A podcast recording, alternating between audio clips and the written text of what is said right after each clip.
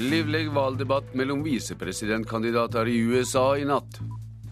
It took the president two weeks to acknowledge that this was a terrorist attack. If we are hit by terrorists, we're going to call it for what it is a terrorist attack. Republikaneren Paul Ryan kritiserte Obama for ikke å reagere sterkt nok etter diplomatdrapet i Libya. EU langt framme i spekulasjonene om hvem som skal få Nobels fredspris i dag. Fremdeles uvisst hvordan surrogatbarn kan sikres rett til foreldre.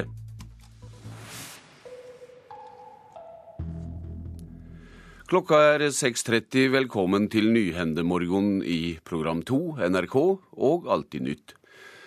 I USA avslutta Joe Biden og Paul Ryan for en stund tid siden visepresidentduellen i Kentucky. Skatt, arbeidsløse og utenrikspolitikk ble de viktigste punktene, men ingen kom klart sigrende ut av duellen. These people are my mom and dad, the people I grew up with, my neighbors. They pay more effective tax than Governor Romney pays in his federal income tax. They are elderly Visepresident og demokratenes Joe Biden gjør det han kan best, å snakke fra levra og å framstå som om han er i kontakt med arbeiderklassen i USA. Og skatt og jobber ble det viktigste samtalepunktet mellom han og republikanernes Paul Ryan, i en debatt der ingen gikk ut som klare sigersherrer. Media i USA skildrer derimot Biden som historisk aggressiv, og han avbrøt Paul Ryan mange ganger. CNN talte 82 slike avbrytinger. I en meningsmåling blant seerne til TV-kanalen CBS ser et flertall av dem at Biden kom ut som vinneren. CNNs måling syner omtrent uavgjort. Utenrikspolitikk kom òg opp. Republikanernes Paul Ryan kritiserte Obama-administrasjonen for å ikke ha gjort nok i samband med drapet på landets ambassadør i Libya. It took the president two weeks to acknowledge that this was a terrorist attack. If we are hit by terrorists, we're going to call it for what it is a terrorist attack. Ja, det var altså visepresidentkandidat Ryan fra Republikanerne, og reporter her var Raimond Lidahl. Korrespondent Anders Tvegård, du har fylt debatten mellom Biden og Ryan i Kentucky. Hva er ditt inntrykk? Dette var et fyrverkeri av en eh, debatt, og etter bare de første 20 minuttene så viste Joe Biden mer energi enn eh, Obama gjorde gjennom hele sin eh, duell. Her var det to godt forberedte kandidater som diskuterte politikk og ga seerne en innholdsrik og jeg vil også si underholdende debatt. Vi har hørt litt om de første meningsmålingene her. Hva er ditt inntrykk av hvem som vant dette? Visepresident Joe Biden han hadde jo mest press på seg, og førstemann til å ringe ham da fjernsynskameraene var skrudd av, det var eh, president Barack Obama, som hadde sett debatten på flyet sitt på vei hjem fra et valgmøte i, i Florida. Han gratulerte eh, Biden med en strålende kveld. Jeg er stolt av ham, sa, sa Obama. Altså, dette var jo Biden som bruste eh, av energi. Han avbrøt og lo, som vi hørte av Paul Ryan flere ganger. Han snakket høyt og han var tidvis aggressiv, han var krystallklar og folkelig. Eh, ingen av dem gjorde noen større tabber, men det, var, det er vel opplagt at dette var Bidens eh, kveld, og at det skinte gjennom at han har 40 års erfaring på den eh, nasjonale scenen. Han var eh, kunnskapsrik, og flere mener at han vant ordkrigen. Men spørsmålet her, og det får vi svar på om noen få dager, er hva de uavhengige velgerne, som de to kjemper om, hva de syns. Ja, her fra utsida så har en inntrykk av at det er innenrikspolitikk og arbeidsplasser og den type ting som er viktig i presidentvalgkampen. Men Ryans stikk på det utenrikspolitiske området. Hvordan fungerte de? Uh, hvis jeg skal sitere Joe Biden, så klarte ikke Paul Ryan å svare på noen spørsmål. Sånn ble det ikke opplevd i salen uh, der, der, jeg satt. Og um, det Paul Ryan gjorde, var å forsvare republikanske uh, og Romneys interesser. F.eks. når det gjelder krigføring, så sier han at USA skal ikke gå inn i noen land med soldater på bakken med mindre det er amerikanske interesser. Han er ikke for humanitære intervensjoner hvis det ikke er i USAs interesse, men eh, tar gjerne fly og, og har flyforbudssoner og, og, gjør ting fra lufta, men ikke soldater på, på, bakken. Neste runde er på ny mellom eh, de det gjelder, for å si det slik, Obama og Romney. Hvordan er opplegget nå framover i denne valgkampen? Altså Allerede neste uke så er det presidentduell igjen, da i New York. Og det er et format hvor også publikum får stille spørsmål. Obama han har trent, han lover en mye bedre opptreden enn sist gang. Så det er også da store forventninger til hva de to sjefene skal gjøre i neste debatt. Og så har de eh, en tredje og avsluttende debatt før valget, som eh, er om ja, blir det fire uker, 6. november.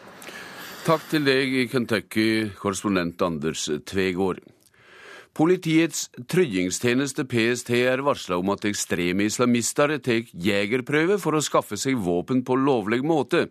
Men PST kan ikke gjøre noe for å hindre det, skriver Dagsavisen. I løpet av det siste året har markerte ekstreme islamister deltatt på jegerprøvekurs for å ta jegerprøver. Slik kan de lovlig skaffe seg tilgang til seks jaktvåpen hver. Ifølge Dagsavisen har personer knytt til ytterliggående islamistgrupper deltatt på jegerprøvekurs.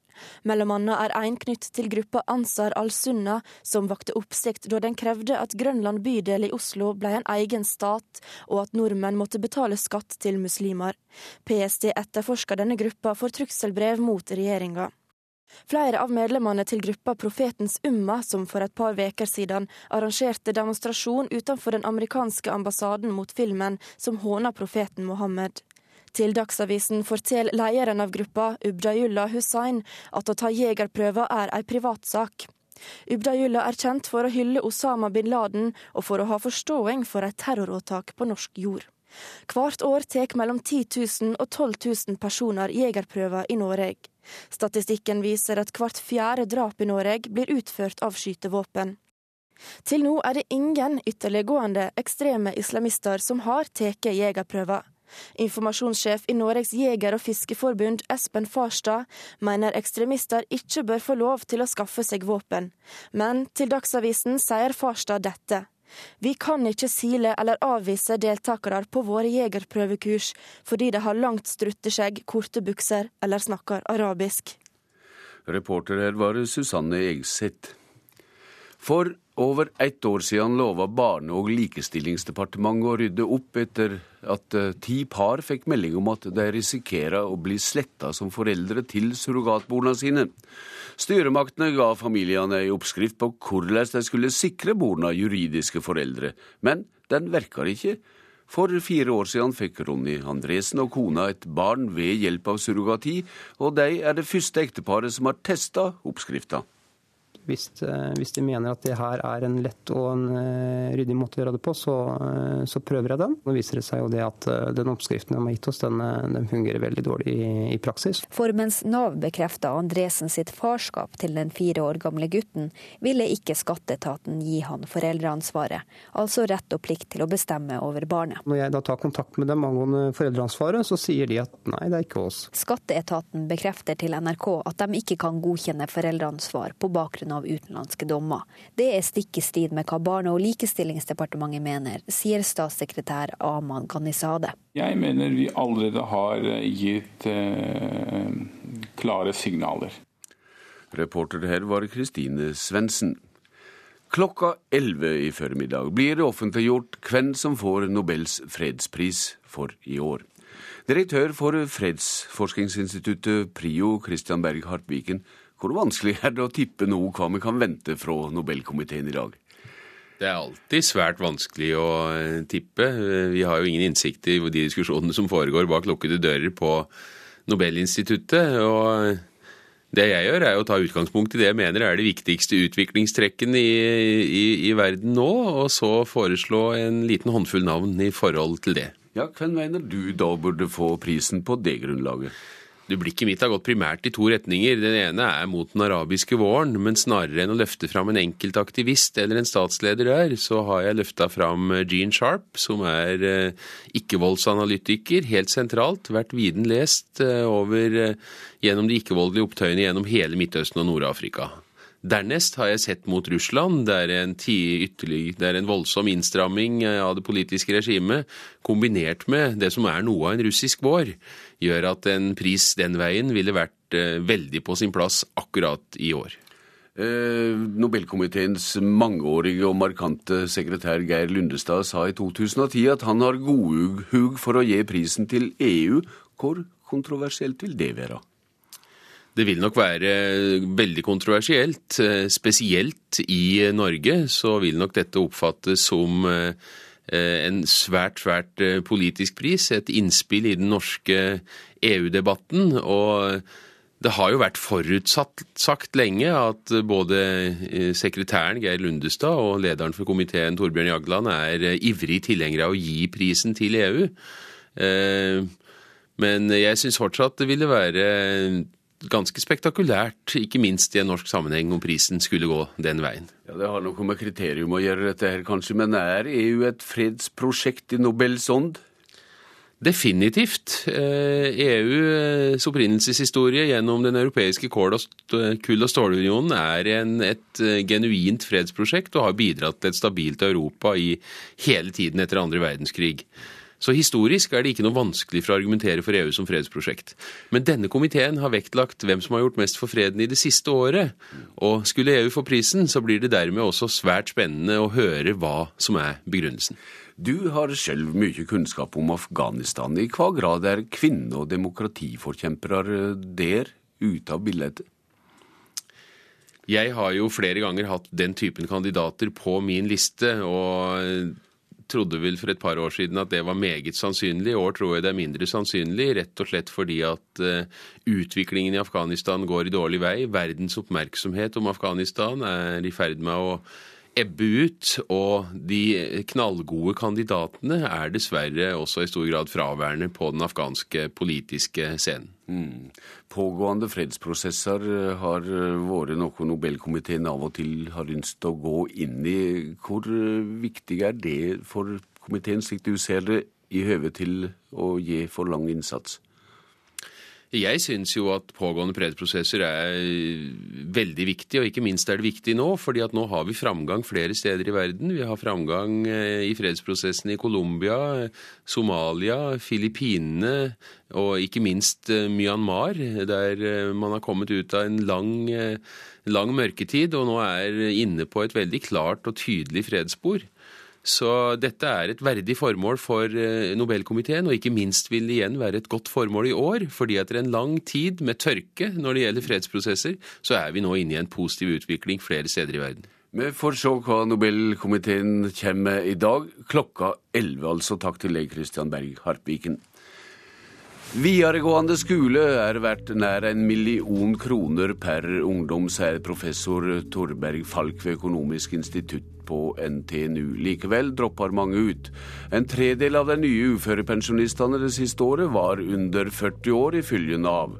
Å holde ungdommen i aktivitet kan formetre mange unges liv, samtidig som samfunnet sparer penger.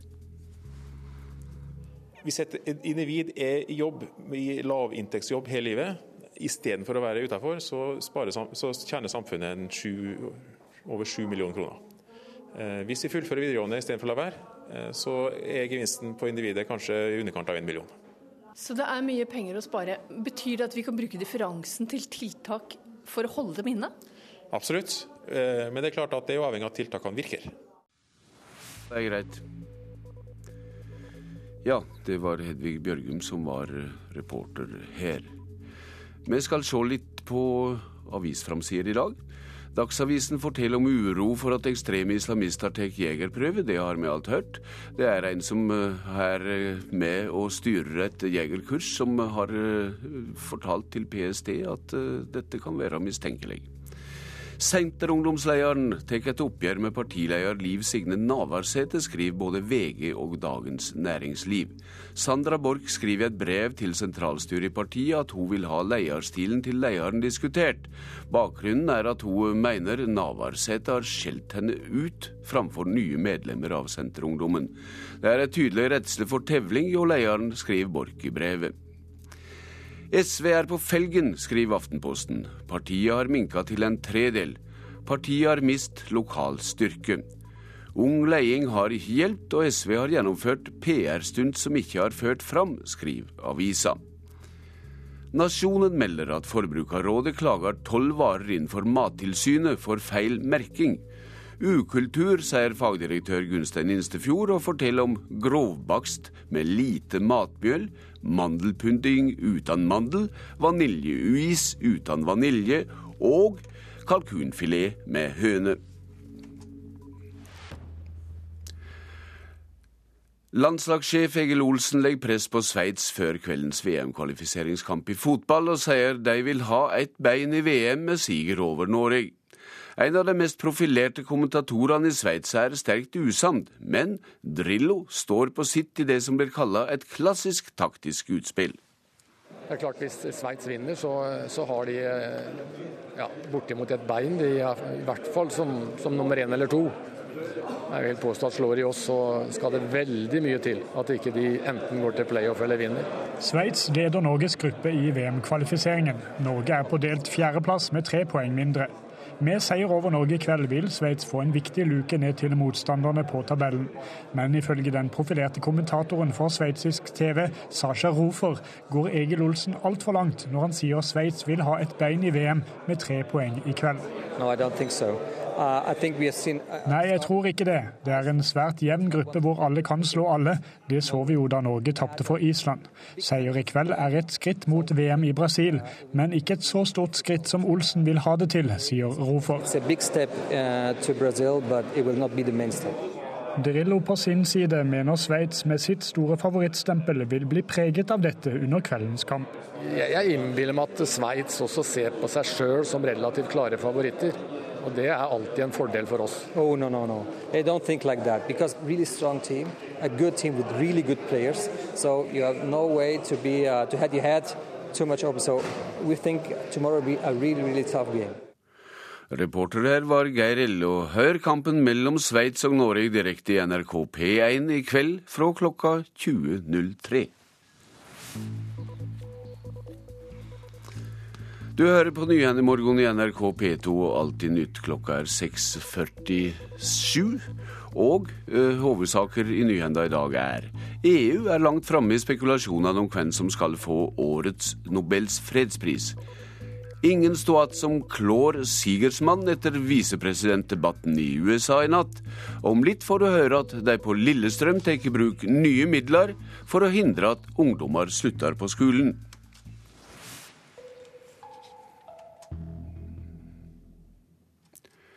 Lekarstudenter vil ikke til små sykehus. Så langt mangler helseforetakene 70 turnuslekere for å fylle ledige plasser. Nå skal turnuslekerordninga gjøres om, slik at studentene sjølve kan velge sykehus. Det kan gi problem for sykehus i distrikta. Turnusleker Kjersti Garfors sier mange lekerstudenter unngår distriktssykehusene. Jeg tror det kan bli vanskelig å få folk til de små sykehusene. Folk eh, har gjerne ikke hørt om de sykehusene før, og da skal det litt til at eh, de søker der. Turnuslege Kjersti Garfors på Nordfjord sykehus jobber ved et av de minste lokalsykehusene i landet. Få legestudenter ønsker å være turnuslege ved slike sykehus. Heller ikke Garfors hadde lokalsykehuset på Nordfjordeid høyt oppe på ønskelista. Jeg hadde et dårlig trekningsnummer, 445, og det var ca. fem plasser igjen da det var min tur å velge. Men Garfors har blitt positivt overraska. Det har vært veldig bra. Eh, overraskende bra, faktisk. En får veldig mye ansvar Eh, på Nordfjordeid sammenligna med andre sykehus, er det så lite. 70 turnusplasser står så langt ledige her til lands etter at første delen av opptaket for neste år er unnagjort. Steder som Narvik, Mo i Rana, Namsos, Kristiansund, Lærdal og Nordfjordeid er lite populære blant legestudentene som skal ut i helsevesenet, medan mange vil til storbyene. Helse Førde i Sogn og Fjordane er et av helseforetakene i landet som så langt strever med å få tak i nok turnusleger. 17 av 20 plasser står ledige, sier fagdirektør Hans Johan Breida Blikk. Ja, du kan si Dette kom jo som en stor overraskelse på oss. Vi tror vel det at dette her må finne en løsning, i og med at det finnes eh, aktuelle folk eh, som kan tenkes å komme i. Og det er noe som trengs. Breida Blikk sier at små sykehus er helt avhengige av turnuslegene. Turnuslegene utgjør ett av de to vaktsjikta som en vanligvis har det, altså, og er jo den som i stor grad eh, møter pasienten først. Før har det vært loddtrekning som har avgjort hvem av studentene som skal få oppfylt førstevalene sine når de skal velge seg et sykehus. De øverst på lista har fått oppfylt valene sine, som regel ved et av de store bynære sykehusene. Men framover skal vanlige søknader avgjøre hvor studentene skal få turnusplass. Det sier avdelingsdirektør i Helsedirektoratet Bente Skudstad. Noe som skjer trass i at mange ikke vil til små sykehus. Det kan se ut til at, at det er problemer med å rekruttere til en del av de små sykehusene. Og vi ser at det er faktisk i hele landet. Direktoratet frykter at små sykehus i distriktene ikke vil få nok søkere. Derfor har de foreslått en del søkeprosess der plassene ved små sykehus blir utlyst først, medan de som vil til store sykehus må ha is i magen og tåre å vente på ny runde. Det er i hvert fall helt klart at uh, i denne nye ordningen så er det en forutsetning at vi skal i størst mulig grad legge til rette for at eh, alle sykehus i Norge får dekket sine plasser. Den nye ordninga skal nå testes ut som et pilotprosjekt. Helsedirektoratet tror det vil kunne føre til at flere av de 70 ledige plassene blir fylt opp. Vi har helt klart målsettingen om at alle disse plassene skal fylles opp. Turnuslege Kjersti Garfors, som også er tillitsvalgt for turnuslegene i Nordfjord, sier det er greit at den gamle loddtrekninga forsvinner. Nå håper hun at det ikke gjør at turnuslegene forsvinner fra distriktene. Ja, Nordfjord sykehus ville ikke gått rundt uten oss turnuslegene. Det er vi som gjør mesteparten av den daglige drifta der. Og vi tilkaller overlegene ved behov på ettermiddag og kveld, men de er til stede på dagtid. Så om en ikke får turnusleger der, eh, så vil ikke drifta gå rundt. Og reporter om turnuslekerne var Asgeir Reksnes. Den jemenittiske aktivisten Wojud Mejali vil starte eksilradio i Norge. I går fikk hun Bjørnsonprisen for sitt arbeid som journalist og aktivist i heimlandet. Kulturnytt her i NRK møtte prisvinneren hjemme på Lillehammer. Så for eksempel, du kan se at hun er online, men hun svarer ikke eller ikke fordi det er vanskelig. Hun tar ikke telefon fra meg så det er vanskelig å kommunisere. 26 år gamle Washud Meyali var med på å starte organisasjonen Kvinnelige journalister uten lenker. En organisasjon som ledes av Tawakul Karman, som mottok Nobels fredspris i fjor. Det for sitt arbeid under den arabiske våren. Det var farlig for meg å leve i fjor um, i Jemen, fordi jeg deltok i det arabiske var. Opprørerne og diktator uh, liker ikke den. Så uh, flyttet jeg til Norge. Norsk er vanskelig. Hun har kun vært i Norge siden i fjor vinter, og innimellom må hun derfor slå over til engelsk. On... Nå planlegger Voshud Meyali å starte en eksilradio ifra Norge. I was inspired inspirert av arbeidet gjort av radio- og TV-kanalen Democratic Voice of Burma. First, plan Planen er å få jemenitter i utlandet, spesielt i Norge og Skandinavia, i kontakt med de som er på innsiden. For å så starte en liten radio hvor vi kan nå ut til folk sier hun. And also uh, will promote for human rights, women rights and justice and democracy as well. Det blir jo en litt annerledes situasjon enn den den var i Burma. Da. Siden eh, opposisjonen i Jemen er såpass fragmentert og peker i forskjellige retninger. Jemen-ekspert Stig Jarle Hansen er ikke sikker på om Burma-radioen er en god rollemodell for Jemen. Det er jo mange forskjellige parter i forhold til opposisjonen, så du må nesten spørre seg hvem opposisjonen representerer du? Kin Mang-win er sjefen på Oslo-kontoret til Democratic Voice of Burma. Han forteller at han var en av de som startet radiokanalen for 20 år siden. Og han vil gjerne dele sine erfaringer. Det dummeste en gjør, er å knytte seg for tett opp til en av partene, slik vi gjorde, sier Vinn. En radiokanal bør og skal være uavhengig. So sure Wujud Miyali er enig. Hun sier først av alt må vi sikre oss at kanalen blir nøytral. Uh, and that's very hard to do, especially that I'm Yemeni. Radio is awareness. Radio er opplysning. Som du er ung i Jemen, så ønsker du å opplyses av andre enn kun statseide medier og militante muslimer i Ansar al-Sharia. Det sa Wujud Mejali, og reporter var Magnus Bratten. En musikal skal motivere ungdom til ikke å slutte på skolen. 30% av norske ungdommer fullfører ikke videregående skole. I går kveld hadde Dropout Musical premiere på Lillestrøm kultursenter.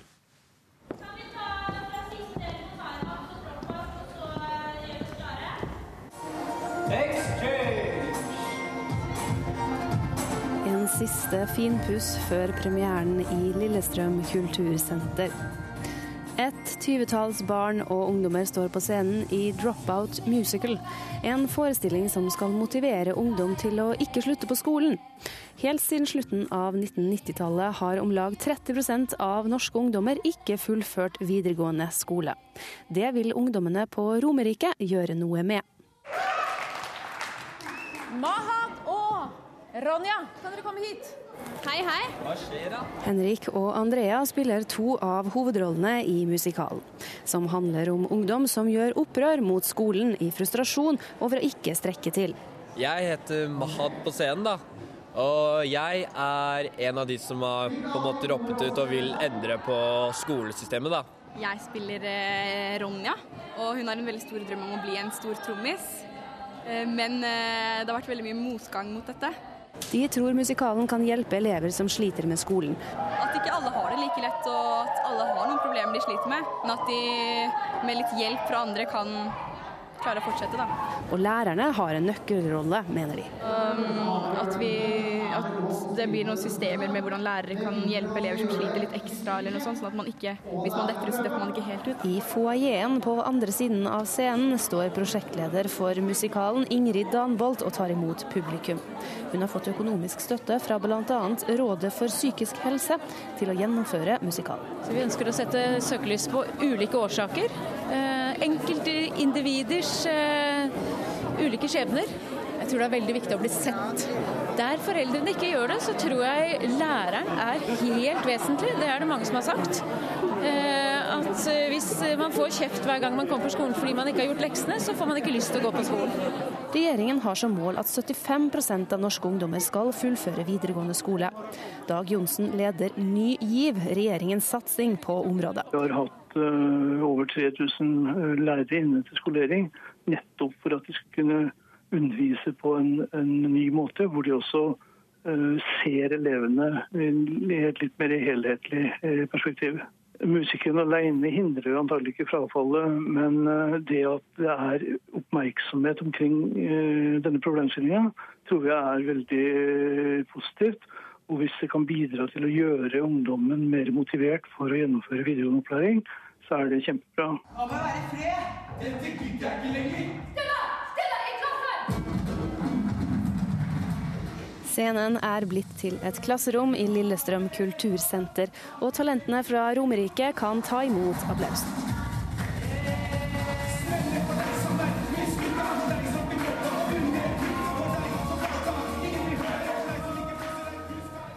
Eirin Venås Sivertsen var reporter om musical mot dropout. Så et værvarsel som gjelder fram mot midnatt. Langfjella, sørøstlig bris, utpå dagen kuling utsatte steder. Stort sett fint vær, men gradvis noe mer skyer. Fjell i Sør-Norge, unntatt Langfjella, stavis frisk bris i høgfjellet, for en stor del fint vær. Østlandet og Telemark fra i ettermiddag nordøstlig frisk bris på kysten. P fint vær, men lokal morgentåke. Agder Auking til nordøstlig liten kuling på kysten. Fra i ettermiddag stiv kuling. Litt spredd regn i ytre strøk. Rogaland. Sørøst frisk bris utsatte steder. Liten kuling på kysten i sør. Fra i ettermiddag østlig liten kuling utsatte steder. Sterk kuling på kysten i sør. Stort sett fint vær. Hordaland, Sogn og Fjordane, Møre og Romsdal og Trøndelag østlig frisk bris utsatte steder. I kveld liten kuling i Hordaland. Noe lokal morgentåke, ellers fint vær. Helgeland, Saltfjellet, Salten og Ofoten nordøstlig bris, frisk bris på kysten. For det meste fint vær, men lokal tåke. Lofoten og Vesterålen nordøstlig periodevis frisk bris, fra i ettermiddag av og til liten kuling. Spredde regnbyger, perioder med sol. Troms Der blir det nordøstlig bris fra i formiddag. Liten kuling. Enkelte regnbyer. Snøbyer over ca. 500 meter. Finnmark. Der blir det nordøstlig liten kuling. Perioder med stiv kuling. På vidda nordlig bris og regnbyer og snø over 400-500 meter. Og på Svalbard skiftende bris, stort sett fint vær.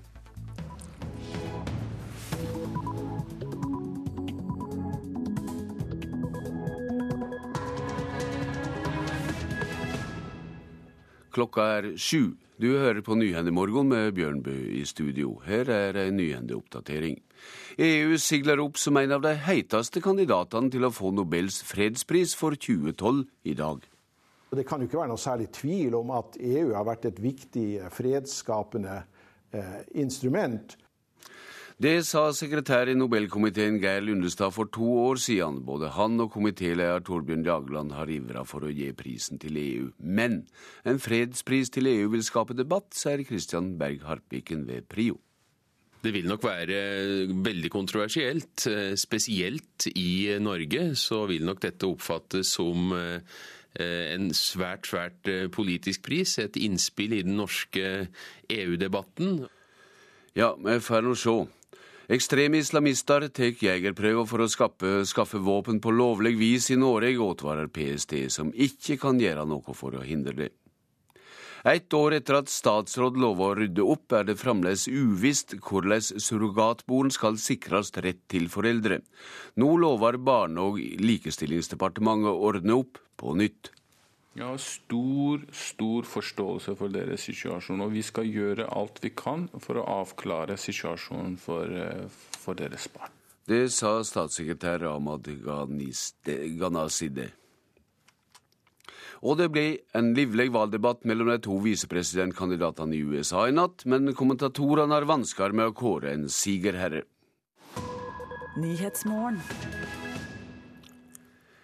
Ja, det er fremdeles uvisst hvem som får eh, Nobels fredspris, selvsagt. Den blir kunngjort klokka 11. Det blir spekulert i at EU får prisen. Både lederen og sekretæren i Nobelkomiteen har før ivra for å gi prisen til nettopp EU. Som stortingspresident uh, skrev Torbjørn Jagland da han var stortingspresident, årsak at det var uforståelig at EU ennå ikke har fått prisen. Og til Dagsrevyen for to år siden sa Nobelsekretær Geir Lundestad følgende. Det kan jo ikke være noe særlig tvil om at EU har vært et viktig fredsskapende eh, instrument, eh, og at eh, EU eller noen sentrale EU-personer eh, burde ha hatt Nobels eh, fredspris. I samme intervju sa Nobelkomiteens mektige sekretær at det finnes to store forsømmelser i fredsprisens historie. Mahatma Gandhi og Den europeiske union. God morgen. Også leder av Nobelkomiteen, Torbjørn Jagland, har pekt på EU. Som stortingspresident skrev han en kronikk i Aftenposten i 2007, der han stilte seg undrende til at unionen aldri har fått prisen. Han skrev bl.a.: EU er det mest vellykkede fredsprosjekt i historien. For meg er det uforståelig at dette fredsprosjektet ennå ikke er blitt beæret med Nobels fredspris. Jeg syns tanken er absurd. Heming Olaussen leder Nei til EU. Eh, det er altså så store politiske, sosiale motsetninger i EU. Og det er en fattigdomsutvikling og en arbeidsløshet som er det beste grobunn for sosial uro. Vi ser jo også framveksten av høyreekstreme partier. I denne situasjonen å kaste fram ideen om EU som fredsprisvinner, det vil diskreditere fredsprisen for all tid framover. Uforståelig at EU ikke har fått prisen allerede, skrev Jagland ja, men, i 2007. Nå mener jo Jagland at EU er den høyeste form for sivilisasjon. Det fins vel ingen større EU-svermer i Norge enn eh, Torbjørn Jagland. Så nå har han jo vært leder av denne komiteen, da, men det har tydeligvis vært eh, folk der som har litt mer fornuft og beina på jorda enn han. Men tror du han får eh, gehør for sine ideer nå? Jeg kan aldri tenke meg det. Det ville være helt paradoksalt om EU i år skulle bli en fredsprisvinner. Jeg tror verden rundt omkring ville riste enda mer på huet enn da Obama fikk. Ja, her var det mye hypotese og på kanskje litt utydelig grunnlag. Førebils reporter var iallfall Fredrik Lauritzen. Og det er gjerne altfor tidlig å gå noe særlig mer konkret inn i dette enn at EU er noe det blir spekulert i, kommentator her i NRK, Knut Magnus Berge. Vel, vi hører jo i alle fall at uh, vi kan forvente oss veldig skarpe reaksjoner dersom dette skulle vise seg å være riktig. Men det får vi altså først vite uh, klokka 11. Mm. jeg vil si det slik at EU er blant favorittene. Der er også andre favoritter. Mange av dem i Europa, ikke minst i Øst-Europa. Østeuropeiske menneskerettsforkjempere, eh, både i Hviterussland og i Russland. Så slik sett så har vi ingen fasit før klokka 11. Nei, tidligere i sendinga har vi hørt eh, direktøren i Prio, Christian Berg Hartviken, Hartviken eh, også i år vise til den arabiske våren. Hva, er, er det også potensial i år? Det er en av spekulasjonene. Jeg har litt mindre tro på den. Eh, jeg tror at Eh, favorittene i år er i eh, Europa og kanskje òg i Latin-Amerika. Mm. Der er som sagt menneskerettsforkjempere i Øst-Europa. En Bieletskij, en menneskerettsforkjemper i Hviterussland, er en av, et av de heiteste navnene. Han sitter i dag fengsla. Det ville bli i så fall en pris som ville minne kanskje om prisen til Liu Xiaobo mm. fra Kina for to år siden. Og det er et av de eh, beste tipsa, tror jeg. Eh, russiske menneskerettsforkjempere som eh, først har gjort seg gjeldende i sovjetperioden og senere i Russland. Der er en meksikansk biskop som seiler opp. Og så er det altså EU, e som selvsagt er den kandidaten som vekker størst interesse her hjemme. Ikke minst fordi at det vil jo være en spektakulær pris som vil avføde en, en, en, en debatt så vi vil nå bare høre litt av forsmaken på. Ja, det her hjemme har EU sin spesielle plass i det offentlige ordskiftet har hatt over flere tiår. Men eh, dersom en går litt utafor eh, Vestre Norge, eh, hva slags inntrykk er det EU har som fredsføredømme der? Det er ingen tvil om at også på kontinentet er det mange euroskeptikere som er skeptiske til den stadig tettere integreringa i eh, Europa. Eh, men jeg vil nok tro at den vil være mer kontroversiell her hjemme enn eh, der ute, hvis en skal si det så generelt.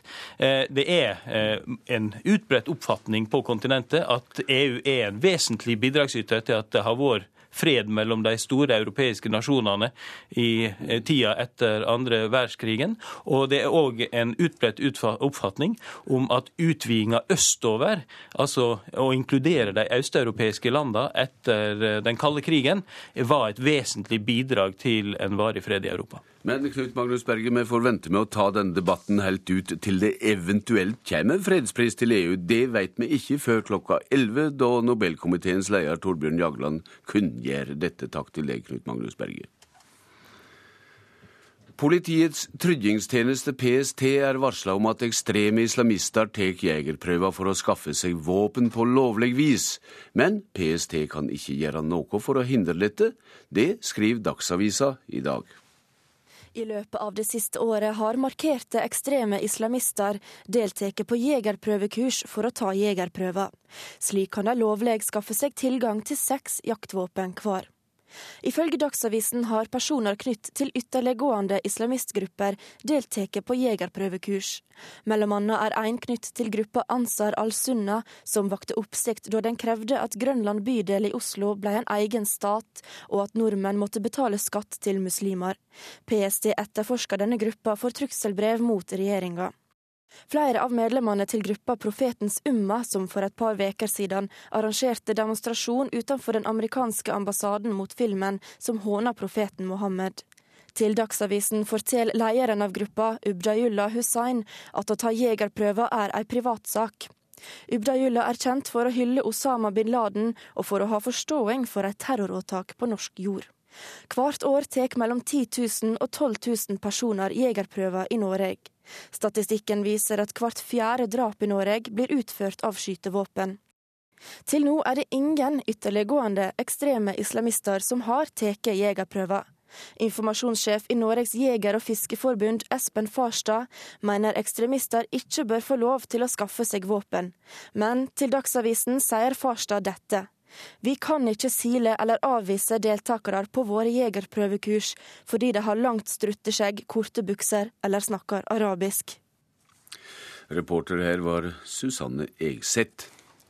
For over et år siden lova altså Barne- og likestillingsdepartementet å rydde opp etter at ti par fikk uh, melding om at de risikerte å bli sletta som foreldre til surrogatbarna sine. Styremaktene ga familiene ei oppskrift på hvordan de skulle sikre barna juridiske foreldre, men den verker ikke. Den saken her har hengt, uh, hengt over vår familie og vært, uh, vært en veldig belastning nå i, nå i halvannet år. Så jeg tenkte at hvis, eh, hvis, de mener at det her er en lett og en eh, ryddig måte å gjøre det på, så, eh, så prøver jeg den. For fire år siden fikk Ronny Andresen og kona en sønn. Ekteparet holdt aldri skjult for norske myndigheter at barnet ikke ble til ved naturmetoden. En surrogatmor fødte barnet for dem i USA. Deretter hjalp norske myndigheter til med å få papirene i orden, før gutten ble tatt med til Norge. Det er de som har guida oss hele veien, helt fra prosessen begynte til han var, var avslutta. Og det er de som da vel vitende om at han er eh, født med amerikansk surrogatmor, har ført ham inn i, eh, inn i Norsk folkeregister med meg og min kone som mor og far, og med oss med delt foreldreansvar. Det er flere hundre surrogatbarn i Norge, men i fjor sommer fikk ti familier brev fra myndighetene om at de kunne bli sletta som foreldre. Siden den gang har myndighetene balansert på en juridisk knivsegg. Samtidig som departementet ikke vil at flere surrogatbarn skal komme til Norge, skal dem som allerede er her, sikres. Som første par ut har Ronny Andresen og kona prøvd myndighetene sin metode for å få det til. Nå viser det seg jo det at eh, den oppskriften de har gitt oss, den, eh, den fungerer veldig dårlig i, i, praksis. For mens Nav bekrefta Andresen sitt farskap til den fire år gamle gutten, ville ikke skatteetaten gi han foreldreansvaret, altså rett og plikt til å bestemme over barnet. Når jeg da tar kontakt med dem angående foreldreansvaret, så sier de at nei, det er ikke oss.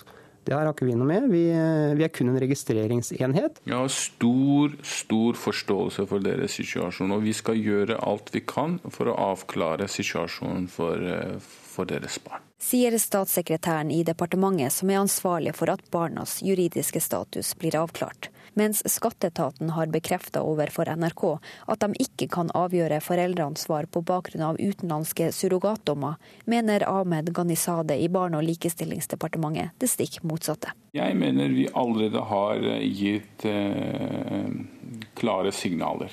Men jeg skal ta opp den saken videre eh, og se Eh, hva mer vi kan gjøre. Ronny Andresen er lei, og mener myndighetene har vært så opptatt av å stoppe surrogati at de har glemt barna som ble født før retningslinjene var klare. De prøver å gjøre det så surrogatipreventivt som mulig. Men, eh, men, vi ser jo at eh, det er jo fortsatt veldig mange som reiser ut, og det blir bare flere og flere. Så jeg tror vel at de bommer litt. I tillegg så, så, er det jo dypt urettferdig for de, de barna som er født før de retningslinjene kom her at, eh, at, de skal ha tilbakevirkende kraft for eh, de, og at, og at eh, farskap og morskap må, må etableres på, på, nytt. Reporter her var Kristine Svendsen. Det er mye krevjende her, stortingsrepresentant for Høyre Linda Hofstad Helleland. Du er med fra vårt studio i Drammen. Hva mener du om barnas status når den ikke er avklora nå? De ungene her har jo levd eh, lenge nok i et eh, juridisk vakuum nå. Og det har vært eh, for, for mange og for mange uheldige episoder i denne saken. her. Regjeringa har gjentatte ganger rota det sånn til og brukt altfor lang tid. og Derfor så er det viktig nå at de får klargjort overfor etatene hvilke rettigheter de her foreldrene har. Ja, klargjøre, sier du. Er dette noe du vil ta politisk initiativ i høve til akkurat nå? Ja, jeg forventer jo at statsråden sjøl eh, umiddelbart griper inn eh, og klargjør her for de ungene nå som har levd i et, eh, et, en juridisk gråsone, og som Eh, har krav på en mor og far også juridisk, i tilfelle det skal oppstå en uh, situasjon. der er foreldre som har vært i en, uh, en svært vanskelig situasjon altfor lenge. Uh, at, at, departementet nå sier at de for, har forståelse for situasjonen, det holder ikke. Derfor så må statsråden gripe inn sjøl, rydde opp og få avklart Eh, sånn at eh, etatene er fullt innforstått med hva de har å forholde seg til. Men også du eh, hører på reportasje her at dette er komplisert? Det er veldig komplisert, men når det nå er gjort klart at barn født før de nye retningslinjene, at det der skal avklares et juridisk foreldreskap, så må man forholde seg for det. Og selv om det virker som eh, regjeringa holder seg for nesa og gjør det, eh, så har de gitt eh, et løfte, og da må de vise gjennomføringskraft også i denne saken. Men rent konkret, Hofstad Helleland, hva er den beste løsninga? For de ungene vi snakker om her, som er født før den nye retningslinja kom på plass, eh, så eh, er jo det ingen annen løsning enn at etatene gjør det de har fått beskjed om. Mm. Og Da handler det om at man nå tar umiddelbart kontakt med skatteetaten og sørger for at at uh, mor og far blir registrert som, uh, som rett og, og, plikt til å ta ansvar for, uh, for barnet. Og det kan ikke skje noen vanskelig sak. Regjeringa har trenert denne saken lenge nok, og nå forventer vi at dette blir avklart. Dette er ei gruppe og du mener altså at de bør sikres nå, ikke sant? Men samtidig så vil det ikke at det blir fritt fram for surrogati, det heller? Nei. Og det er mm, to eh, forskjellige debatter der man har avklart at man skal sikre ungene som er født før de rett, nye retningslinjene kom på plass, eh, men at eh, man eh, fortsatt eh, er for et prinsipielt eh, standpunkt med et forbud mot surrogati. Da er iallfall det klart. Takk til deg, Linda Hofstad Helleland. Det er svært lønnsomt å få unge gjennom videregående skole. Det er verdt 900 000 kroner per ungdom, sier professor Torberg Falk ved Økonomisk institutt på NTNU. Å holde ungdommene i aktivitet kan bedre mange unges liv, samtidig som samfunnet sparer penger på trygd. En tredel av de nye uførepensjonistene det siste året var under 40 år, ifølge Nav. Hvis et individ er i jobb, i lavinntektsjobb hele livet, istedenfor å være utafor, så, så, tjener samfunnet sju, over 7 millioner kroner. Hvilke tiltak hjelper ungdom til å forsørge seg selv i fremtiden? Det prøver en nordisk konferanse om unge utenfor å finne svar på i dag. For finanskrise eller ei. Mellom 5 og 10 av nordisk ungdom mellom 15 og 24 år er verken i utdanning, arbeid eller arbeidstrening. Sjansen er høy for at de blir avhengige av støtteapparatet og av skattepengene dine. I Norge går nær alle elever rett fra grunnskolen til videregående, men bare sju av ti har fullført fem år senere, viser forskning fra bl.a. professor Torberg Falk ved NTNU arbeidsmarkedet for dem som har lav kompetanse blir vanskeligere og vanskeligere. Og Det kommer engasjerte, aktive, ivrige ungdommer med lav kompetanse fra hele Europa til Norge for å jobbe, fordi at lønningene er så høye. og Dette må norske ungdom uten utdanning konkurrerer med, og det er tøft. Han viser at det er svært lønnsomt å komme seg gjennom en videregående opplæring. Hvis vi fullfører videregående istedenfor å la være, eh, så er gevinsten på individet kanskje i underkant av en million. Nav og andre hjelpere må også følge samfunnsutviklingen og bli mer individorienterte, tror Matilda Vrede Janti ved Helsingfors universitet. Hun tok doktorgrad på hva unge arbeidsløse vil i livet. Når vi taler om unge arbeidsløse, så ser vi ofte framfor oss en urtyp. Så her ser han ut. Og sen når man går inn og treffer de her ungdommene, så merker man at nei, det fins ingen 'så her ser han eller hun ut'. Personligheter, deres ressurser, deres hjemforholdene, det ser helt ulike ut. Så alt det her former jo hvordan de sen ser på lønnearbeidet og det som samfunnet forventer seg at de skal gjøre. Mange ungdommer er så kortsiktige og nærsynte at det kan være nødvendig med ekstra stimuli for selvsagte ting som å jobbe på skolen, tror professor Torberg Falk ved NTNU. Det er det store og vanskelige spørsmålet. Eh, det som ser ut til å virke, det er insentiver nært i tid. Så at man får en gevinst raskt når man gjør godt på skolen, i form av bedre muligheter, kanskje noe penger eller noe som er positivt, så ser det ut til at de holder folk i skolen og at de gjør en bedre innsats. Og reporter her var Hedvig Bjørgum. Cruise langs norskekysten er populært eh, blant utenlandske turister. Fra 2009 har tallet på cruisepassasjerer økt med 80% til nesten 600 000. Bare fra i fjor til i år er økningen på 26% skriver Dagens Næringsliv. For neste år har cruiserederiene alt meldt inn enda flere anløp enn i år. Fiskeridepartementet ønsker å kunne straffe store oppdrettere hardere enn de små for tilsvarende over, eh, overfiske. Årsaka er til dømes røming for større fylger i et stort foretak. Framlegget fra departementet innebærer at de ti største oppdretterne kan få opptil 35 millioner kroner i gebyr, skriver Finansavisen.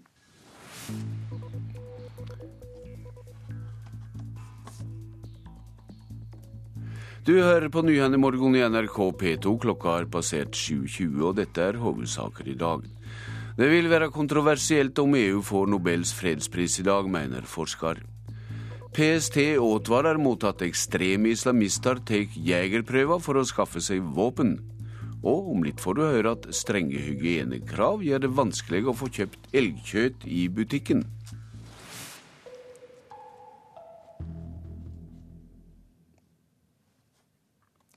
Da skal vi attende til valget i USA, dersom jeg har tolka dette riktig, for der avslutta Joe Biden og Paul Ryan for ei tid siden visepresidentduellen i Kentucky, som har vært inne på tidligere i sendinga. Skatt, arbeidsløse og utenrikspolitikk ble de viktigste punkta, men ingen kom klart sigrende ut av duellen. These people are my mom and dad, the people I grew up with, my neighbors. They pay more effective tax than Governor Romney pays in his federal income tax. Demokratenes Joe Biden gjør det han kan best, å snakke fra levra og å framstå som om han er i kontakt med arbeiderklassen i USA. Og skatt og jobber ble de viktigste samtalepunktene mellom han og republikanernes Paul Ryan i en debatt der ingen gikk ut som klare sigersherrer. Og NRKs korrespondent i USA, Anders Tvegård, var i Kentucky i natt og fulgte debatten. Han har dette å melde. Dette var et fyrverkeri av en eh, debatt, og etter bare de første 20 minuttene så viste Joe Biden mer energi enn eh, Obama gjorde gjennom hele sin eh, duell. Her var det to godt forberedte kandidater som diskuterte politikk og ga seerne en innholdsrik og jeg vil også si underholdende debatt. With respect to that quote, I think the vice president very well knows that sometimes the words don't come out of your mouth the right way. but I always say what I mean. Joe Biden sier det han mener, men i denne debatten tok han òg mye plass. Media i USA skildrer Biden som historisk aggressiv og avbrøt Paul Ryan flere ganger. CNN talte 82 slike avbrytinger. I en meningsmåling blant seerne til TV-kanalen CBS sier et flertall av dem at Biden kom ut som vinneren. CNNs måling syner omtrent uavgjort. Utenrikspolitikk kom òg opp. Paul Ryan kritiserte Obama-administrasjonen for å ikke ha gjort nok i samband med drapet på landets ambassadør i Libya. Han vil kalle en spade for en spade. It took the president two weeks to acknowledge that this was a terrorist. If we're hit by terrorists, we're going to call it for what it is, a terrorist attack. Dette var altså kampen mellom de to assisterende sjefene. Neste uke er det igjen klart for en ny duell mellom president Barack Obama og den republikanske kandidaten Mitt Romney. Allerede neste uke så er det presidentduell igjen, da i New York. Og det er et format hvor også publikum får stille spørsmål. Obama han har trent, han lover en mye bedre opptreden enn sist gang. Så det er også da store forventninger til hva de to sjefene skal gjøre i neste debatt. Og så har de eh, en tredje og avsluttende debatt før valget, som eh, er om ja, blir det fire uker, 6. Anders Tvegård, vår korrespondent i USA, fra Kentucky-reporter Raimond Lidal. Hundrevis av egyptere har forsvunnet etter opprøret mot styremaktene for halvannet år siden. Mange av disse er trolig innesperra i hemmelige fengsel eller ligger i ukjente graver. Det sier Amnesty Norge, som har dokumentasjon fra flere menneskerettsgrupper i Egypt. Sju britiske soldater kan ha stått for overgrep i Afghanistan, og de er nå arresterte, mistenkte for mord på en eller flere opprørere. Det skal ha skjedd i samband med kamper mot opprørere i fjor. Ingen sivile afghanere er drepne, ifølge det britiske forsvarsdepartementet.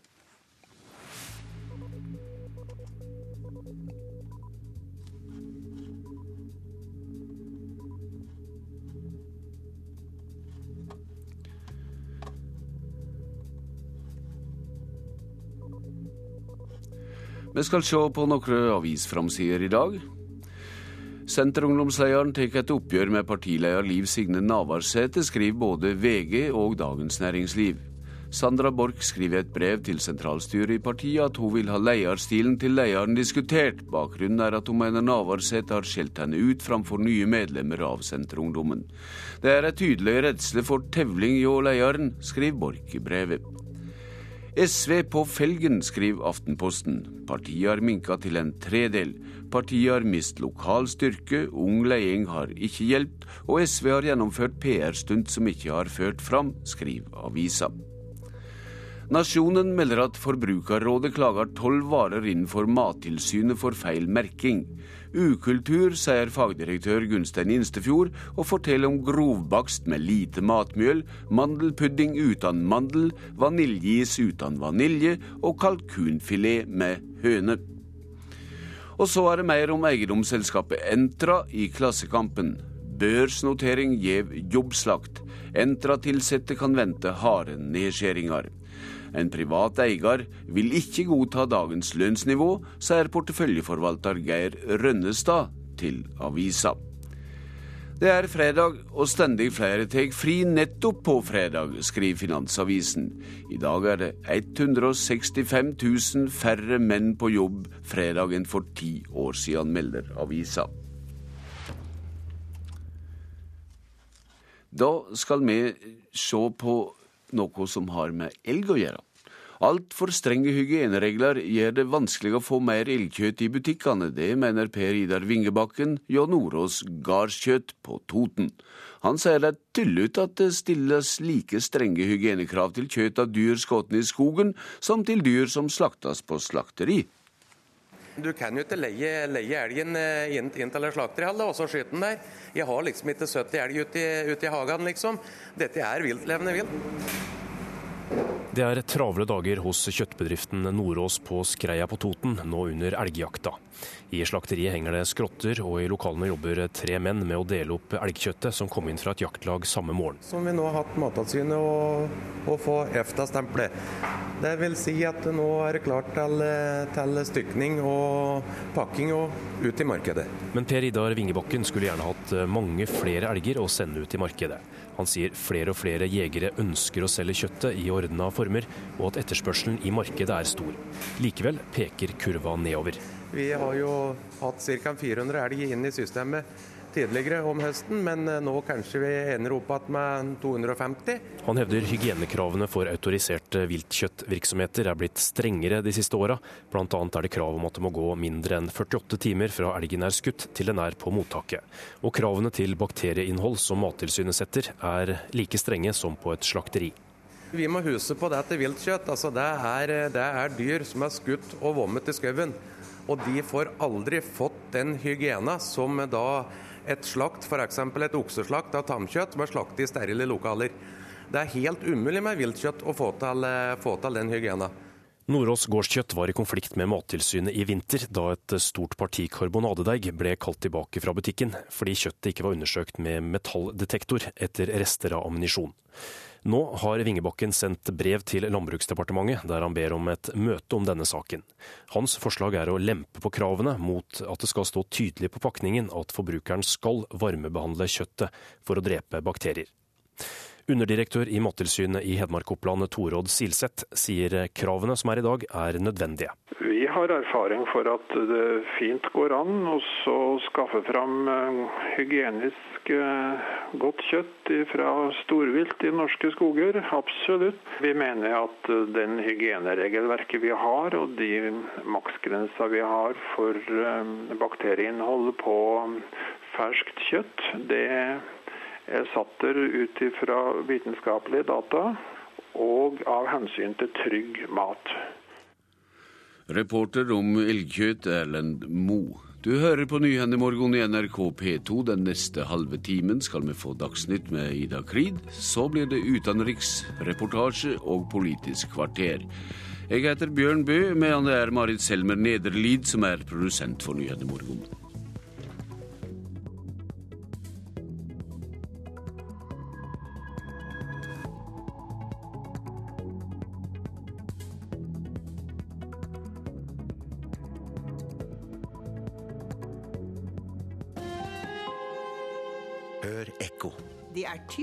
Norsk å være god. Mente Gro Harlem Brundtland. Men hva er typisk norsk i år 2050, når Norge er blitt en innvandrernasjon? Ekko 9 11 i NRK P2.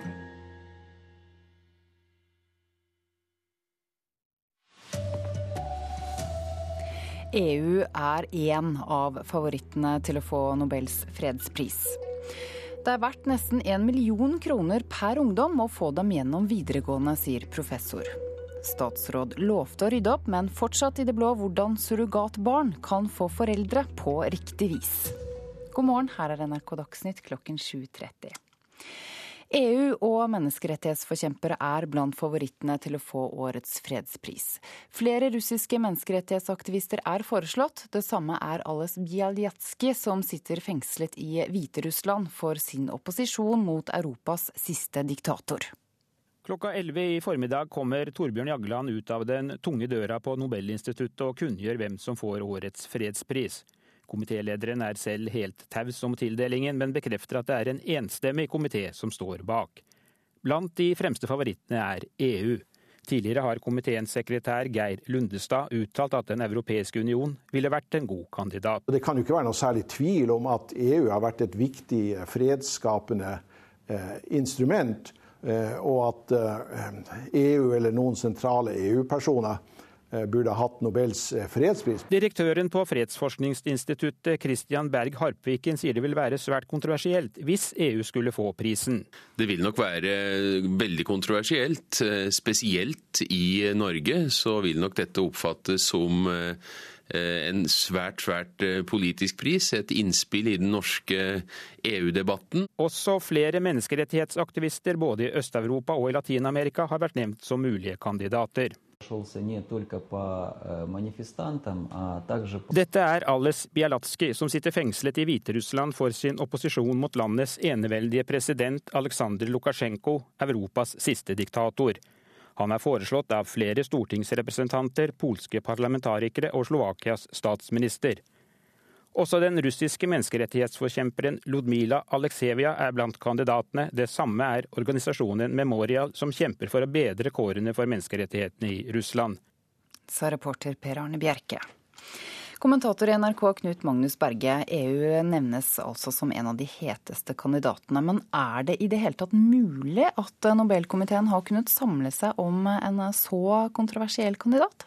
Det svaret får vi klokka 11, og det er vi vel alle spente på. Det er klart det er flere favoritter til å få denne prisen, men om EU skulle få den, ville det være så kontroversielt, spesielt her hjemme i Norge, at det er klart interessen nå går i den retningen retninga, og eh, vi er veldig spente på eh, hva som kommer klokka 11. Men får EU-prisen, så ville eh, det være det som i, ville få debatten til å ta av i størst grad her hjemme. Ja. På hvilken måte kan man egentlig argumentere for at EU er et fredsprosjekt? Det er ikke så vanskelig å argumentere for det. En kan se på utviklinga i Europa etter andre verdenskrigen og slå fast at det har ikke vært konflikter mellom de europeiske stormaktene stormaktene etter de siste 70 åra. Og også EU-utvidinga østover etter den kalde krigen kan en trekke fram. Det er nok vanskeligere å vinne debatten om dette er en riktig pris, enn å argumentere for at EU er en verdig kandidat. Takk for at du kom i studio, Knut Magnus Berge. Det er svært lønnsomt å få unge gjennom videregående skole. Det har vært nesten én million kroner per ungdom, sier professor Torberg Falk ved Økonomisk institutt på NTNU. Likevel dropper mange ut. Og en tredel av de nye uførepensjonistene de siste åra var under 40 år, ifølge tall fra Nav. Kanskje en må tenke mer som ungdommen, sier professor Falk. Det er det store og vanskelige spørsmålet. Eh, det som ser ut til å virke, det er insentiver nært i tid.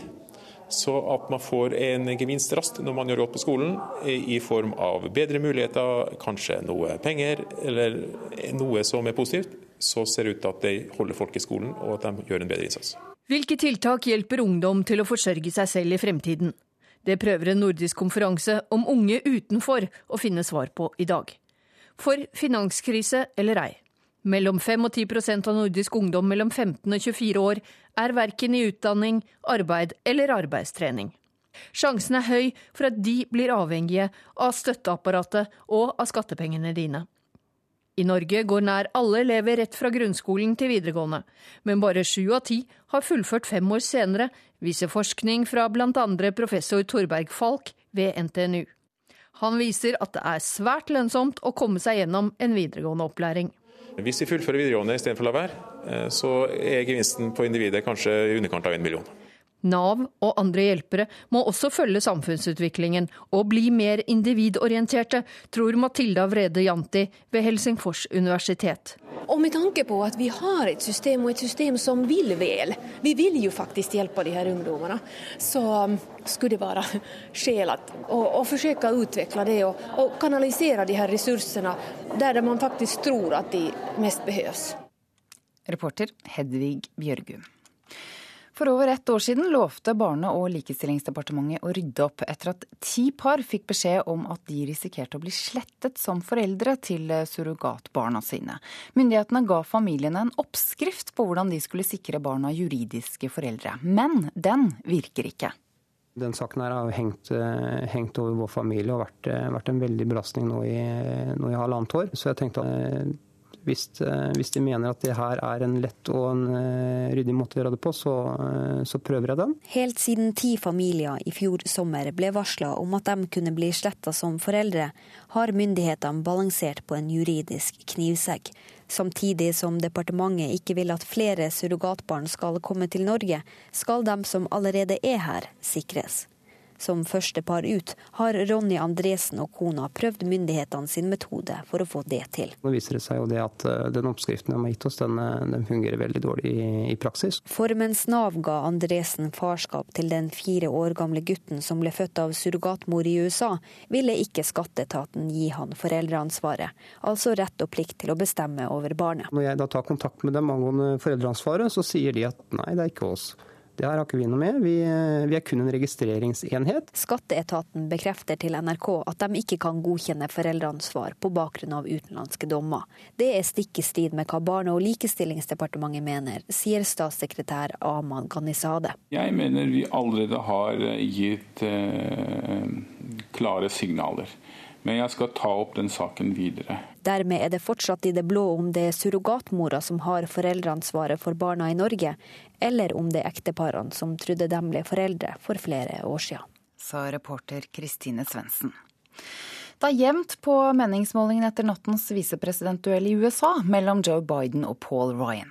I debatten ble skatt, arbeidsløshet og utenrikspolitikk de viktigste temaene. USA-korrespondent Anders Tvegård fulgte debatten, og han synes eh, visepresident Bidens taktikk var vellykket. Dette var et fyrverkeri av en eh, debatt, og etter bare de første 20 minuttene så viste Joe Biden mer energi enn eh, Obama gjorde gjennom hele sin eh, duell. Han snakket høyt, og han var tidvis aggressiv, han var krystallklar og folkelig. Ingen av dem gjorde noen større tabber, men det, var, det er vel opplagt at dette var Bidens kveld, og at det skinte gjennom at han har 40 års erfaring på den nasjonale scenen.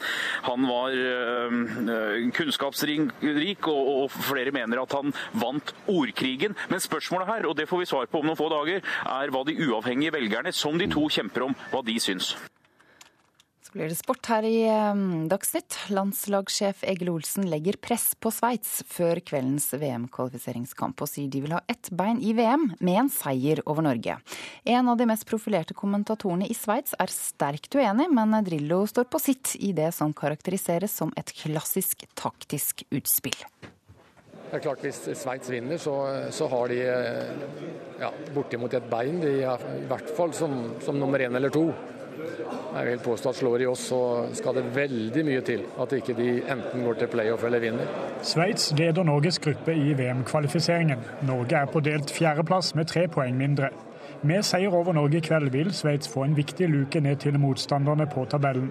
Men ifølge den profilerte kommentatoren for sveitsisk TV, Sasha Rofer, går Egil Olsen altfor langt når han sier Sveits vil ha et bein i VM med tre poeng i kveld.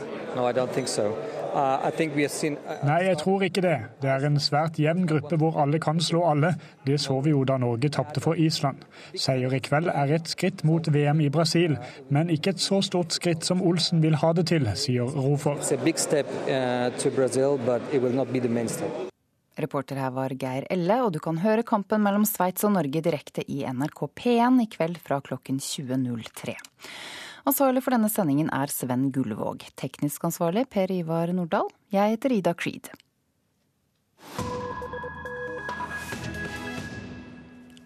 Nyhendemorgon holder fram i Colombia. FARC-geriljaen i Colombia driver med tvangsrekruttering av barnesoldater.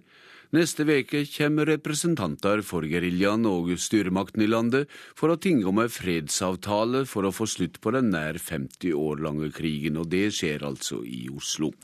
Daniel er en av mange som ble tvinga til å bli soldat for FARC-geriljaen da han var 13 år gammel. Me llevaron y yo, pues yo no, me tuve que no, de kom og tvang meg til å bli med dem. De trente meg opp så jeg kunne forsvare meg i tilfelle regjeringssoldatene kom, sier Daniel med lav stemme. Daniel er ikke hans virkelige navn. Som tidligere barnesoldat for geriljaen lever han farlig. Han har kort, mørkt hår, hvit T-skjorte og redde øyne. Han stirrer mest i bakken og er sterkt preget av oppholdet hos FARC-geriljaen. Han var bare 13 år da geriljaen kom og tvang ham til å bli soldat.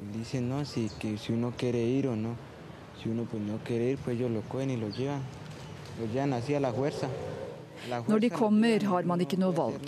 Den som ikke vil bli med, blir bortført uansett. Og man kan ikke gjøre noe eller protestere. For de har våpen og truer med å drepe deg, forteller Daniel. Vi møter ham i den lille byen Miranda sør i Colombia på en matutdeling i regi av den katolske hjelpeorganisasjonen Caritas. Daniel bor på et lite sted i fjellene rundt byen, i et område der FARC-geriljaen står sterkt. I snart 50 år har geriljaen slåss mot myndighetene i landet. Regjeringa har lykkes i å jage geriljaen vekk fra de store byene og sentrale områdene. Men flere steder på landsbygda pågår krigen fortsatt og mange barn har blitt tvunget til å jobbe for geriljaen. Det var veldig vanskelig, vi måtte jobbe mye. Jeg laget mat for alle, vasket klær og måtte gjøre alt de ba om. Man kan ikke klage eller si imot, da dreper de deg, sier Daniel. Men han ble ikke bare satt til kjøkkentjeneste og brukt som ryddehjelp. Han måtte også ut i krigen. Jeg var redd. Jeg så mange ting. Hvordan folk ble drept. Det var et stygt syn, forteller han. Han var 13 år og ble tvunget til å være med i kamper mot regjeringssoldatene. Når jeg spør om han selv måtte drepe, svarer han. Hittil har jeg sluppet unna. Jeg er redd for døde personer, svarer han med svak stemme. Men han fikk likevel oppleve noe et barn ikke bør oppleve. Det verste var å være vitne til at de drepte en venn av meg, og at jeg ikke kunne hjelpe ham. Det var det verste. At de drepte vennen min. Hvorfor drepte de han, spør jeg. Han rømte fra FARC, men de fant ham, og da drepte de ham, svarer Daniel. Livet til Daniel er totalt forandret etter to måneder som geriljasoldat. Han orker ikke å gå på skolen lenger, og det er farlig fordi tidligere geriljasoldater ikke er spesielt populære i området. Og han er også redd for FARC-geriljaen.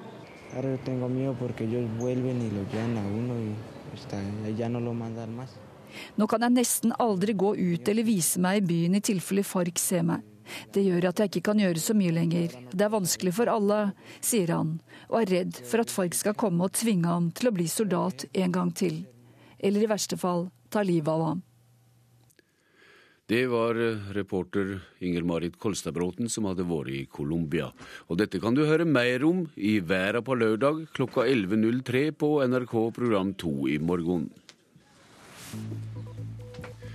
Du hører på Nyhendemorgon. Dette er hovedsaker i dag. EU er blant de heiteste kandidatene til å få Nobels fredspris i dag. PST advarer mot at ekstreme islamister prøver å skaffe seg våpen gjennom å ta jegerprøver. Og ett år etter at statsråd lova å rydde opp, er det fremdeles uvisst hvordan surrogatbarn skal sikres foreldre. Da er det klart for Politisk kvarter med deg, programleder Lars Nehru Sand. De eldre har det dårligere enn fangene, så vi i Dagsrevyen. Så vi spør hva er verdien av verdighetsgarantien?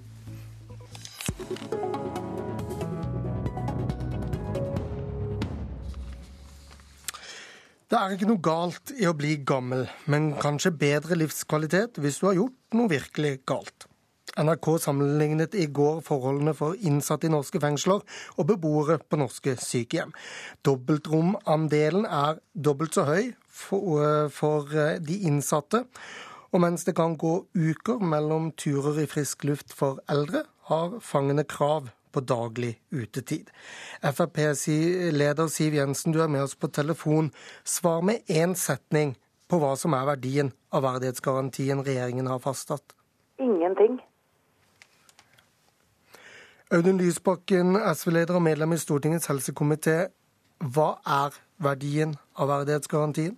Den er stor. For det første så er det en uh, klar føring for landets kommuner som gjør at de har forpliktelser til å øke kvaliteten i eldreomsorgen. Uh, men dessuten så er det jo et dokument uh, og en plan som har gjort at eldreomsorgen går i riktig retning.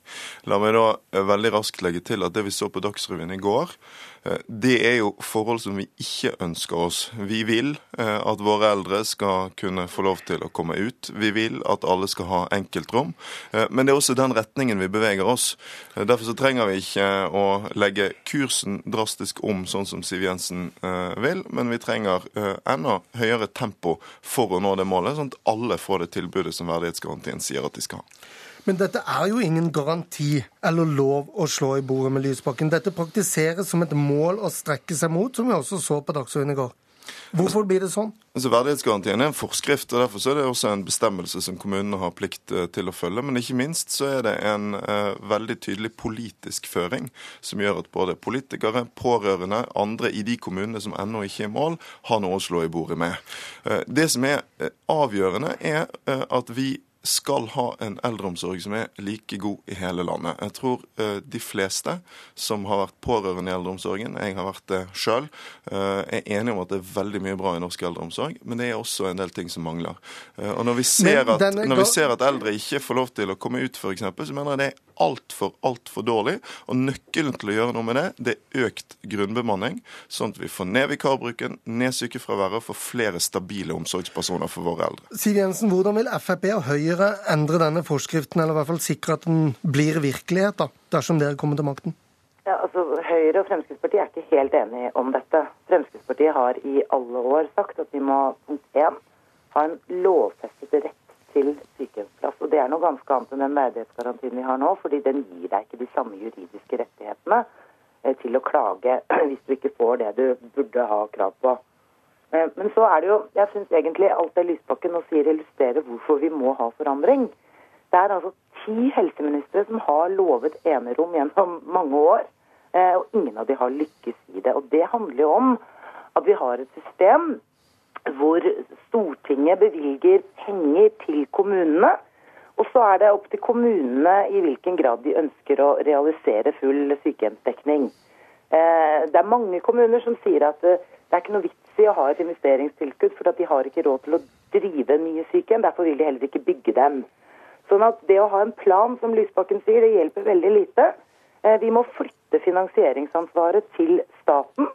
Bare da får vi til den likebehandlingen av eldre over det ganske land eh, som han selv ønsker at vi skal ha. Lysbakken, på, stikk, nei, på, stikkord, på stikkord kommunen, eh, så vil jeg spørre deg, Lysbakken. Når du ser helse- og sosialsjefen i Sarpsborg kommune si at det har med økonomi å gjøre, at det, ikke er, eh, at det fortsatt er mange dobbeltrom i kommunen, og hun sier sitat, det er et godt spørsmål om det er en ubetinget rettmessig rettighet denne verdighetsgarantien. Hva tenker du da?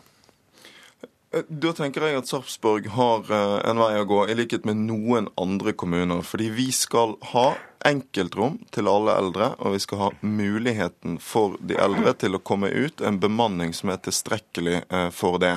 Så er det jo sånn at det er kommunene som har ansvar for å sette ut i livet de planene som regjeringen har lagt. Men vi har altså hatt en voldsom vekst i bemanningen i pleie og omsorg under denne regjeringen. Vi satte oss et mål om 10 000 nye fagårsverk innen 2009. Vi nådde det allerede i 2008. Nå har vi satt et mål om 12 000 til innen 2015, og vi er i rute i forhold til det også. Og så gir vi nå bevilgninger til kommunene. Eh, de skal få tilskudd når de bygger nye eh, heldøgns omsorgsplasser, med en veldig klar forutsetning om at det skal være enkeltrom. Det er greit, vi, det er greit Lysbakken, men, men, men, når la, denne garantien har, eh, har uh, ordlyd som har som formål og skal legge til rette for. Da har jo helse- og sosial, sosialsjefen i Sarpsborg et mye større handlingsrom enn du egentlig liker. Det vi ser er at de fleste kommunene følger opp og beveger seg i riktig retning. Så er det noen som ikke klarer det godt nok. Og Det som jo er et paradoks med Siv Jensen sin, eh, som, som, snakker om at eh, hun skal løse alle disse problemstillingene, er at kommuner styrt av Frp ikke nødvendigvis gjør det.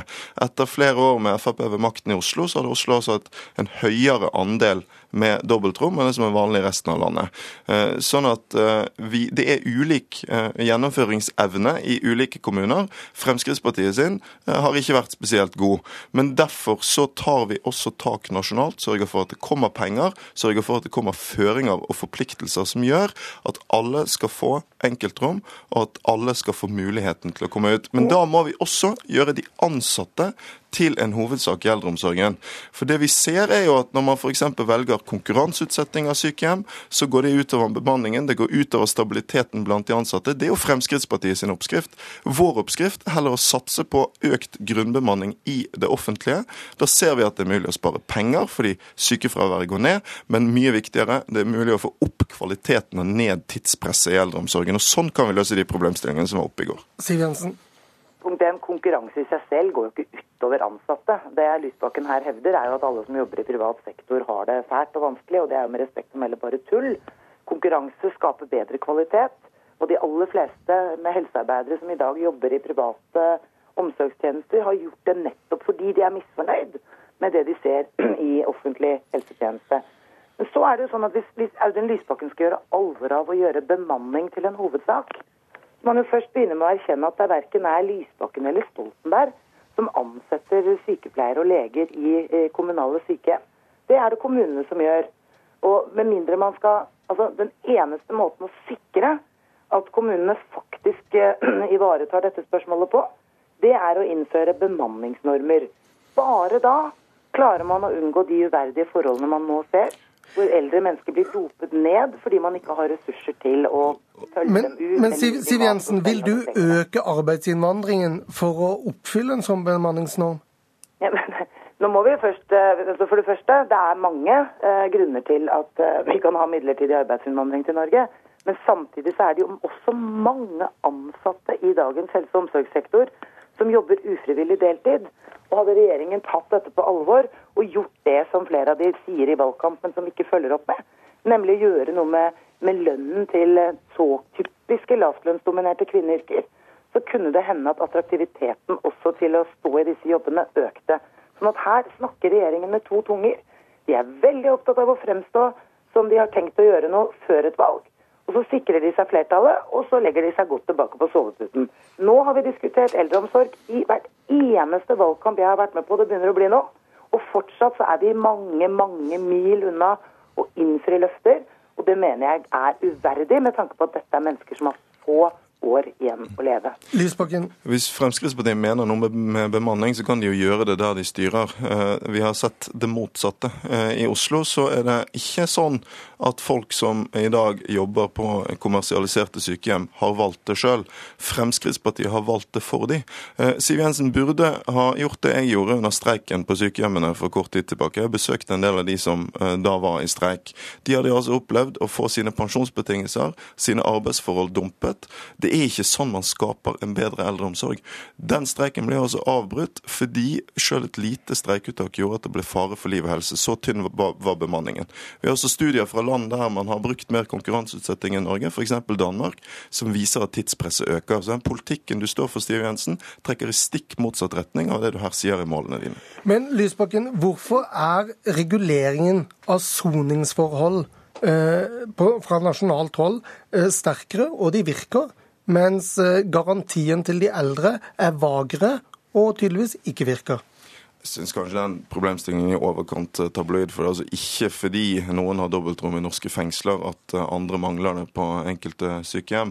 Eh, men det er nettopp fordi det ikke har vært tydelige nok føringer fra nasjonalt hold til at vi har kunnet f.eks. skaffe enkeltrom til alle, at vi har laget verdighetsgarantien, og at regjeringen i større grad enn tidligere regjeringer legger føringer for norske kommuner, fordi vi vil at ingen skal ha det på den måten som kom fram på Dagsrevyen i går. Programleder, sannheten er den at vi At tiden er ute. Takk for at dere kom, Siv Jensen og Audun Lysbakken.